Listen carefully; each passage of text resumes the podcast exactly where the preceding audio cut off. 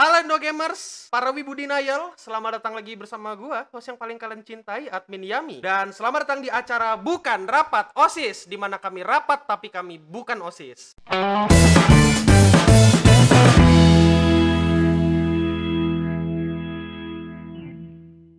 Oke, coba tolong kepada Mimin.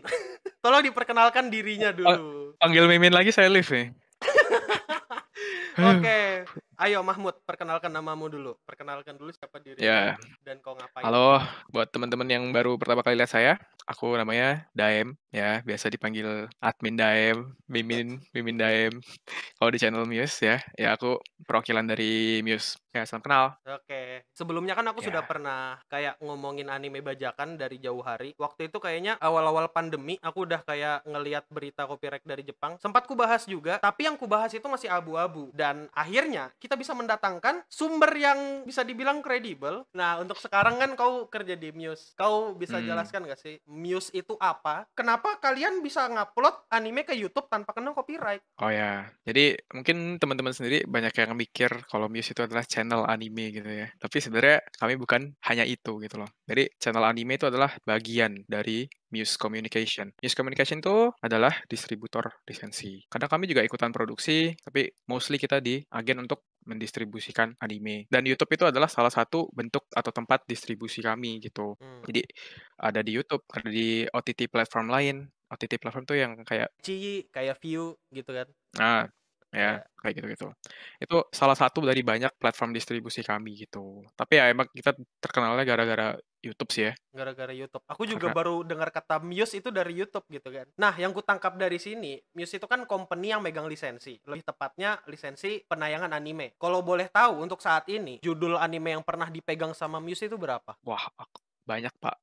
Apa ya, kita kan lisensi tuh ada yang kayak ada waktunya kan, ada durasinya gitu ya. Jadi kayak ada yang kami perpanjang terus, ada yang kayak oh ini udah nggak bagus buat diperpanjang ya udah nggak diperpanjang gitu. Terus ada juga yang buat film juga gitu kan. Jadi banyak sih, udah ratusan gitu. Sebagai orang yang bekerja di perusahaan distributor lisensi, bagaimana perasaanmu terhadap anime bajakan? Kalau aku sendiri Hmm. sebenarnya nggak terlalu kesel sama anime bajakan sebenarnya. Cuma yang aku kesal adalah orang yang nge-share bajakan, Hmm. nge-share anime bajakan, mau itu anime, mau itu musik, mau itu film, mau itu apa pun, mau itu merchandise bootleg, itu aku kesel sama mereka. Karena pertama itu hasil kerja keras orang, terus kok ambil, terus kok sebarkan. Maksudku gini loh, seni dari bajakan itu kan tidak dipamerkan dan tidak dikasih tahu orang. Kayak misalnya kau mencuri, masa sih kau mencuri terus kau pamer ke satu RT-mu, yo aku habis mencuri satu kilo mangga dari RT sebelah, woi ayo hore hore semua nggak mungkin kan? Jadi lebih baik disimpan Hmm. sendiri kan? Itu itu seninya dari mencuri. Aku bukan pencuri dan aku nggak pernah maling mangga tapi ya itu kan esensinya dari itu. Jadi kembali lagi ke pertanyaan tadi bagaimana perasaanmu tentang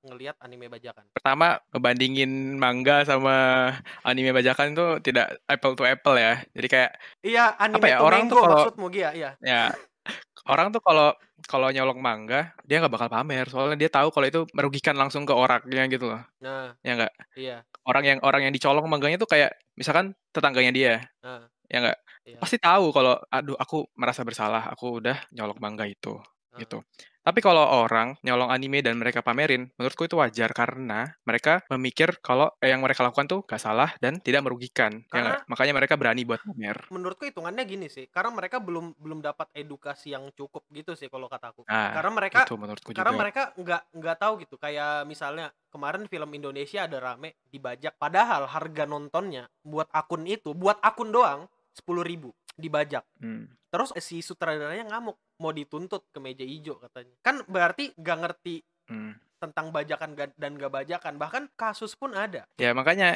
apa ya? Aku tuh nggak bisa kayak langsung nyalahin orang-orang "Ah, bajakan bad, orang yang nonton bajakan eh, durjana kayak gitu. Gitu nggak bisa soalnya emang yang legal itu baru-baru ini ramenya. ah yang baru-baru ini baru tuh baru-baru ini ya aku gitu loh. setuju sama itu Nah, makanya kita tuh pelan-pelan kayak mengedukasi itu. Kalau ada yang udah legal, accessible buat kalian. Accessible tuh gini ya. Jadi tadi kayak ngomongin harga 10.000 ribu doang kenapa masih dibajak. Itu bukan argumen yang bagus juga menurut gua karena kalau orang yang penghasilan cuma 10.000 ribu sehari, ya Mereka 10.000 ribu nggak tuh mungkin- udah 100% Iya mereka 100% nggak mungkin mereka gitu mereka nggak mungkin mau ngeluarkan anjir Masa cuma buat nonton gini doang Iya. ngeluarin duit? Iya nggak sih? Aku juga aku juga sependapat Nah, sama itu. itu, eee, banyak banget layer-nya yang kalau ngomongin bajakan itu kenapa, karena situasional, kondisional banget. Dan menurutku Iya. karena kurang accessible itu loh. Jadi menurutku poinnya di accessible itu. Accessible buat orang itu beda-beda. Iya, Kalau accessible. buatku karena aku emang udah apa ya, udah kerja gitu kan, udah independen. Jadi ya yang accessible buatku ya kayak iQIYI itu accessible, aku VIP di Gratis. iQIYI accessible, Heeh. aku aku VIP di Netflix itu accessible buatku gitu. Iya. Tapi buat orang lain mungkin itu nggak accessible. Makanya kita mau nyalahin mereka juga susah. Dan Muse sendiri kita datang untuk memberikan aksesibilitas itu. Jadi kayak aksesibilitas buat kalian yang selama ini susah didapatkan, kami coba untuk tingkatkan. Kayak dari YouTube, itu kan udah jelas accessible banget nggak sih? Iya, itu YouTube tuh udah Ya accessible banget. Yang bodoh adalah Apa? ketika ini anime udah tayang di Muse Indonesia. Aku sekali lagi aku ingatkan aku nggak anti bajakan. Tapi kalian masih streaming di situs bajakan. Itu yang aku sangat-sangat tentang. Maksudku sudah accessible tapi kok masih ngebajak. Di situs-situs sampah kayak fanshare tidak aku subtitle sendiri. Ngedownload anime dari Muse ditampilkan di sana kan agak aneh ya. Biasanya masalah Mhm, mhm. bajakan-bajakan kayak gini tuh ada dua tipe. Antara dia strongly agree untuk ngebajak dan strongly disagree. Biasanya kubunya terpecah antara dua itu doang. Kalau aku kan selalu aku bilang aku bodo amat sama bajakan yang penting kalian jangan pamerkan. Dan kalaupun ada yang nanya bang nonton anime di mana? Ya aku nonton ya aku sebutkan yang situs-situs legal ya dong. Ngapain aku nyebutkan situs yang ilegal? Kan sama aja kayak aku mengencourage kalian untuk nonton anime yang ilegal Ja- jangan makanya aku simpen Ya, kalau aku sendiri jadi ya tetap sih kita ada spektrum gitu dari 1 sampai 10 seberapa aku setujunya dengan bajakan itu kan dari pertanyaan gitu kan ya. Nah, kalau aku paling aku di 6 sih. Kalau dari strongly disagree sama strongly agree aku tuh di 6. Aku aku tetap aku support yang legal, tapi aku juga mengerti kenapa masih banyak kenapa yang masih ilegal ada yang gitu loh. ilegal kan iya Hmm. Kalau kalian apa ya komplainnya kayak aduh yang legal tuh masih dikit judulnya, aduh yang legal itu translationnya gak enak. Kayak kalau masih komplain kayak gitu, kami juga tahu kita judulnya masih belum banyak. Tapi poinnya di situ belum belum dan Belum. kami sedang tingkatkan aksesibilitasnya itu. Kalian bayangin aja kalau kalian support terus beberapa bulan ke depan, beberapa tahun ke depan, judul apa lagi yang bisa kami masukin gitu loh. Karena perlahan kalau kalian support terus itu nanti tiernya bakal naik terus, bakal naik, bakal naik, bakal naik. Attack on Titan yang yang tadinya belum bisa masuk lama-lama bisa masuk. Demon Slayer yang tadinya nggak bisa masuk lama-lama bisa masuk. Kayak gitu. Jadi kita bertahap gitu loh. Karena sekarang kita udah udah bisa perlahan buktikan kalau ternyata YouTube kita tuh bisa gitu loh untuk memberikan mereka environment yang bagus untuk anime mereka berkembang. Jadi kayak kita kan pinjem nih animenya mereka tuh, terus kita bawa masuk ke Indonesia. Nah, sekarang pilihannya ada banyak. Kita kita masukin ke YouTube, kita masukin ke iQIYI, masukin ke Catch Play View, bla bla bla bla bla gitu ya. Itu pilihannya banyak di situ. Kalau buat ke OTT platform selain YouTube ya, itu udah pasti aman dan gampang karena views-nya terjamin. Ngerti nggak maksudku? Kalau di YouTube kan tergantung apa yang populer kan. Kayak Iya. Kalau ini ternyata flop ya udah duitnya ya segitu-segitu aja. Tapi kalau di OTT platform kayak iQIYI, kayak View gitu, itu mereka udah langsung. Jadi kayak mereka langsung beli gitu sekali. Jadi kalau di YouTube itu penghasilannya kita sendiri yang harus cari. Makanya bisa rugi. Jadi income-nya tuh kalau di iQIYI itu udah pasti, tapi kalau di YouTube income-nya nggak pasti. Nah, ketidakpastian ini yang bikin susah untuk masuk ke YouTube gitu. Nah, gimana caranya bisa mengalahkan ketidakpastian ini? Dengan kalian support, dengan kalian tonton, dengan kalian tidak pakai adblock saat nonton di Muse. Itu nanti pasti deh, pasti pengaruhnya balik lagi ke kalian gitu loh. Manfaatnya tuh bakal balik lagi ke Indonesia. Betul Aku aku nggak bukan bukan bukan menjilat kalian ya. Ini tuh faktanya aja gitu Enggak. yang ter, yang benar-benar terjadi. ini pernah aku Bukan promosi. ini pernah aku omongkan di live stream sebelum sebelumnya kalau zaman dulu Hmm. aku agree banget sama bajakan karena apa tanpa bajakan aku yakin anime mungkin gak bakal terkenal sekarang sekarang siapa sih yang nggak tahu Hmm, anime hmm, hmm. minimal orang tua Hmm, kalian hmm. pun tahu siapa itu Naruto gitu siapa itu Goku. Hmm. masalahnya apakah argumen itu masih relevan sekarang? Kalau kalian masih mendukung yang bajakan-bajakan terutama fanshare kalau menurutku itu nggak relevan lagi. Itu argumen relevan kalau dipakai 10 tahun lalu mungkin. Tapi sekarang enggak Hmm, accessible iya. Gratis iya. Mentok-mentok nonton iklan sedikit. Aku juga jelas respect banget sama zaman-zaman keemasan 2000-an yang ba- banyak banget anime-anime di TV. Wah, oh iya itu kayak pagi, siang, sore itu anime semua mantep banget itu. Respect dulu sama sama pertelevisian Indonesia yang dulu. Iya, iya, betul. GGWP banget lah. GGWP. Parah. Aku lihat ya, animator di Jepang tuh mereka underpaid banget. Mhm. Dan kenapa? Karena produksi anime itu sangat ketat untuk budgetingnya. Jadi ya kalau udah kayak gitu, udah budgetingnya susah dan masih dibajak pula. Gini loh, kalau kalian nonton di fanshare, duitnya balik ke si fanshare-nya itu, ke orang Nggak- yang punya websitenya. Ah, ah, nggak nggak ke nggak ke mana-mana gitu. Itu yang Hmm. agak ngehe. Tapi kalau kalian nontonnya di tempat yang legal, itu duitnya balik lagi ke mereka gitu loh. Timbal balik gitu loh. Simbiosis mutualisme. Ujung-ujungnya bakal balik ke kita lagi. Balik ke mereka, balik ke kita, balik ke mereka gitu, muter terus. Iya, bagus. Itu dari community untuk community dan bukan cari cuan sendiri.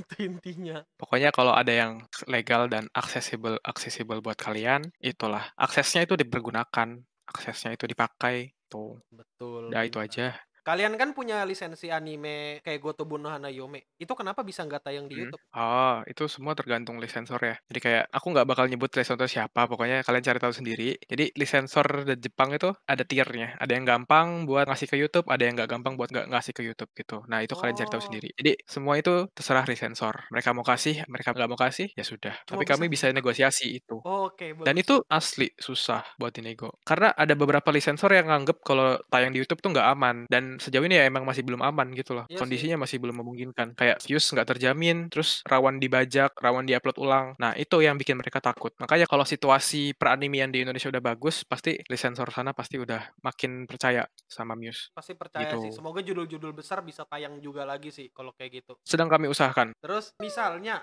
kalau tadi ada anime bajakan atau fanshare yang bajakan tadi tetap nge-publish anime yang sudah kalian garap terutama gratis di YouTube atau di IC yang gratis ya. Hmm. Dampak kerugian yang kalian rasakan apa kira-kira? hilangnya kepercayaan dari lisensor. Karena apa ya? Mereka tuh ngamatin juga loh, ngamatin website-website yang bajakan juga. Kayak, loh ini kok judul Muse masih ada di website bajakan kayak gitu. Itu kena ke kami. Terus intinya kecolongan itu tuh bakal berdampak ke Muse. Terus akhirnya lisensor nggak percaya. Kalau udah nggak percaya, makin susah buat masukin anime lain gitu ke kami kayak begitu. Kalau kerugian secara finansial yang benar-benar berpengaruh apa? Ya paling ad revenue-nya turun, terus akhirnya yang bisa kami kembalikan ke Jepang juga turun, akhirnya yang diterima oleh studionya juga turun. Jadi ya bakal turun-turun semua ke atasnya. Bakal bakal nurun Itulah. ini ya, bakal nurunnya bakal jelek banget dong kalau kayak gitu. Bisa turun-turun ke studio Betul. dari lisensor ke studio. Karena kan duitnya kan muter.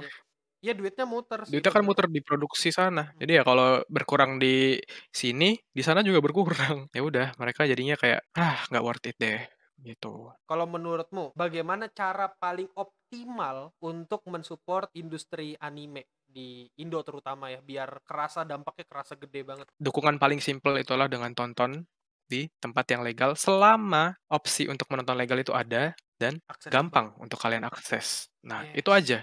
Sumpah. Kita udah ke kesimpulan aja ya, udah kesimpulan ya. Ya ya ya, Oke. langsung lah. Dukunglah anime legal di Indonesia. Selagi kalian bisa, selagi kalian mampu, selagi ada yang gratis di yang legal dan gratis, kenapa nggak diambil yang di sana aja daripada kalian nonton ke Hmm. entah bajakan atau fanshare itu atau apa pun namanya. Cuma ya sekali lagi, kalau bajakan jangan pamer, udah cukup kalau itu dari aku itu. Dan kalau Hmm. kalian ngebajak anime, yang dirugikan itu adalah kita kita juga. Kita bakal makin kesusahan untuk dapat anime anime yang legal. Kayak kehilangnya kepercayaan dari lisensor itu udah pasti kan. Terus makin susah Hmm. akhirnya anime lain buat masuk yang gratis dan legal gitu. Terus Nah, orang-orang sana juga ngalamin kerugian entah ad revenue-nya yang turun atau duit-duitnya juga kurang gitu kan ya jadi lebih baik kalau bisa di ini bisa di tempat legal ya silahkan di tempat legal. Dan kalau bajakan nggak usah pamer diam-diam aja udah. Oke Terima kasih, kita- Mas ada yang Akil. ada yang mau kau tambahin ada yang mau kau tambahin? Aku paling nambahinnya kayak marilah hidup damai, gak usah cari-cari pertempuran, pertempuran alasan-alasan kayak aku legal, aku bajakan bertempur kayak gitu, nggak usah. Kita hidup di common ground, hidup di tengah-tengah, kita simbiosis aja gitu loh, jangan saling senggol. Yes, ya, yes. kita udah kita udah datang dengan visi misi kayak gitu, kami harap dukungannya dan sabar gitu, karena Muse Indonesia masih baru, bro.